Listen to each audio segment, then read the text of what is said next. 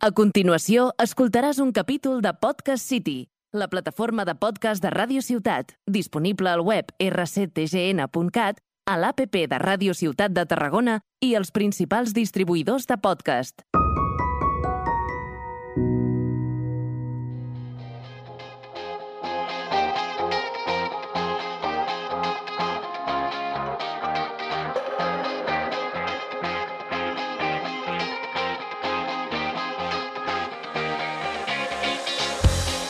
Tarragonins, tarragonines, sigueu benvinguts a un nou programa d'Històries de Barri, el programa que a tot per la canya s'ha d'escoltar per saber què dimoni s'ha passat en la seva ciutat.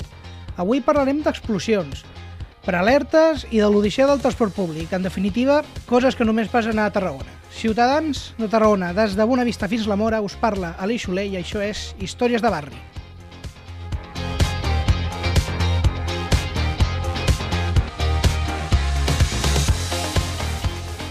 He dit que parlarem d'explosions, però que ningú s'espanti, no és el que penseu. Va patar el collo de la Rambla Nova. El motiu? Una fuita de gas. Mira que no hi ha cosa més tarragonina. Van haver-hi set ferits, ja, ja estan tots bé, i estalvisar a casa, el restaurant estava tancat, per tant no va escalar a més.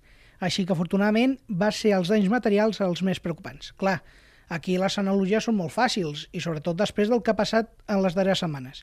Sembla que a Tarragona tenim un problema de gasos a la petroquímica, als locals i fins i tot dintre del nostre cos que déu nhi a vegades, eh? no sé si la pudor procedeix dels polígons o perquè bàsicament no parem d'activar la nostra maquinària de gasos.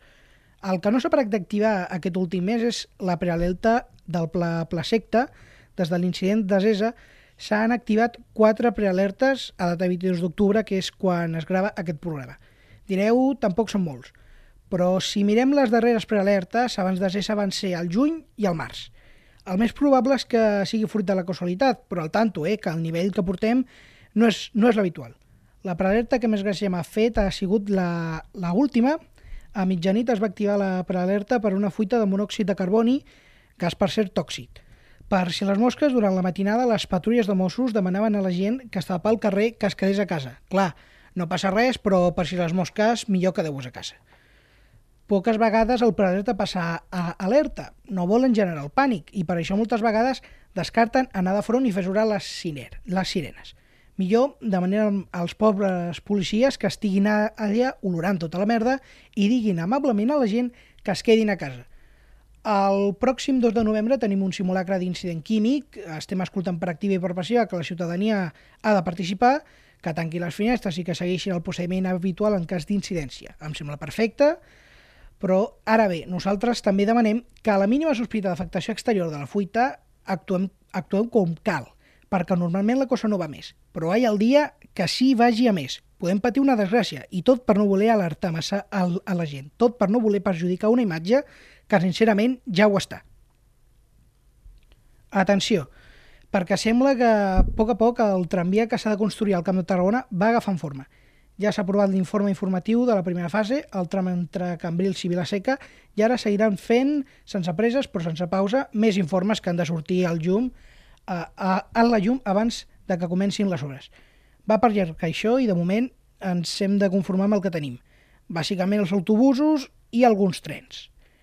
He entrat a la pàgina web de Plana, mm, que controla moltes de les línies que hem d'utilitzar, i no sé com ho veu altres, però no hi ha forma d'enterar-me de res. I si vas a una de les parades per intentar saber els horaris et quedaràs sense cap informació, perquè no hi ha cap cartell que ho indiqui. Després em preguntem per què utilitzem el cotxe. Necessitem, primer, informació i segon, un servei puntual que, que intenti uh, fer la competència al cotxe, perquè uh, Rodalies també va bastant lent. Eh?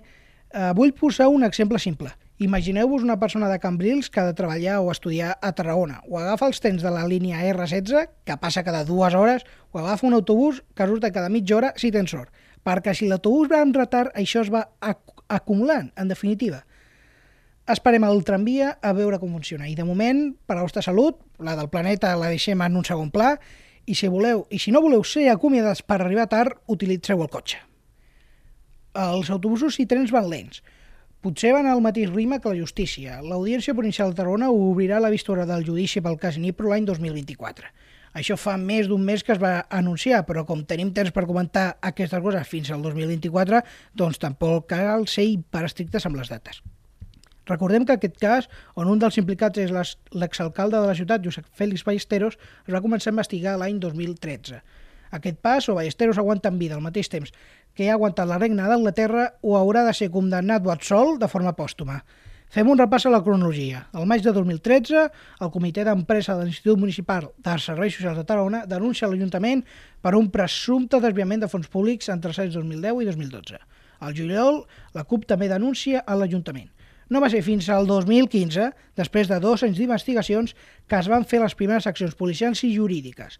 Al setembre, la Guàrdia Urbana va registrar cinc seus municipals i uns dies després van detenir l'exgerent de l'Institut Municipal dels Serveis Socials. Al febrer del 2016 van desfilar pels passadissos del jutjat una desena de càrrecs públics, en tres ballesteros, que van haver de declarar davant el jutge en qualitat d'investigats. La investigació va avançar. Lentament, però avançava. Els recursos dels acusats també, aquests és veritat amb més velocitat. I després de desestimar els recursos dels acusats, l'Audiència Provincial de Tarragona va anunciar al maig de 2020, quatre anys després de l'inici de la investigació, que hauria judici. Clar, per presentar els recursos, les defenses dels acusats anaven ràpids, però si es tractava d'enviar escrits de defensa al jutjat imprescindibles per la continuació del judici, doncs no calia córrer. Dos anys després de l'anunci que s'obria judici, es diu que el judici com tal, el presencial, no començarà fins al 2024. En resum, més de 10 anys d'investigacions i encara no ha començat el judici. M'he quedat sense aire. Després de, de relatar els fets, crec que tenim els suficients coneixements per fer una porra i donar una data de quan sortirà la sentència. Apunteu la data, maig del 2030. I ojo, que encara faltaran anys d'apel·lacions, perquè aniran, si fa falta, al jutjat suprem del multivers. I fins aquí el programa d'avui. Gràcies per escoltar-ho. Ens veiem en el pròxim programa.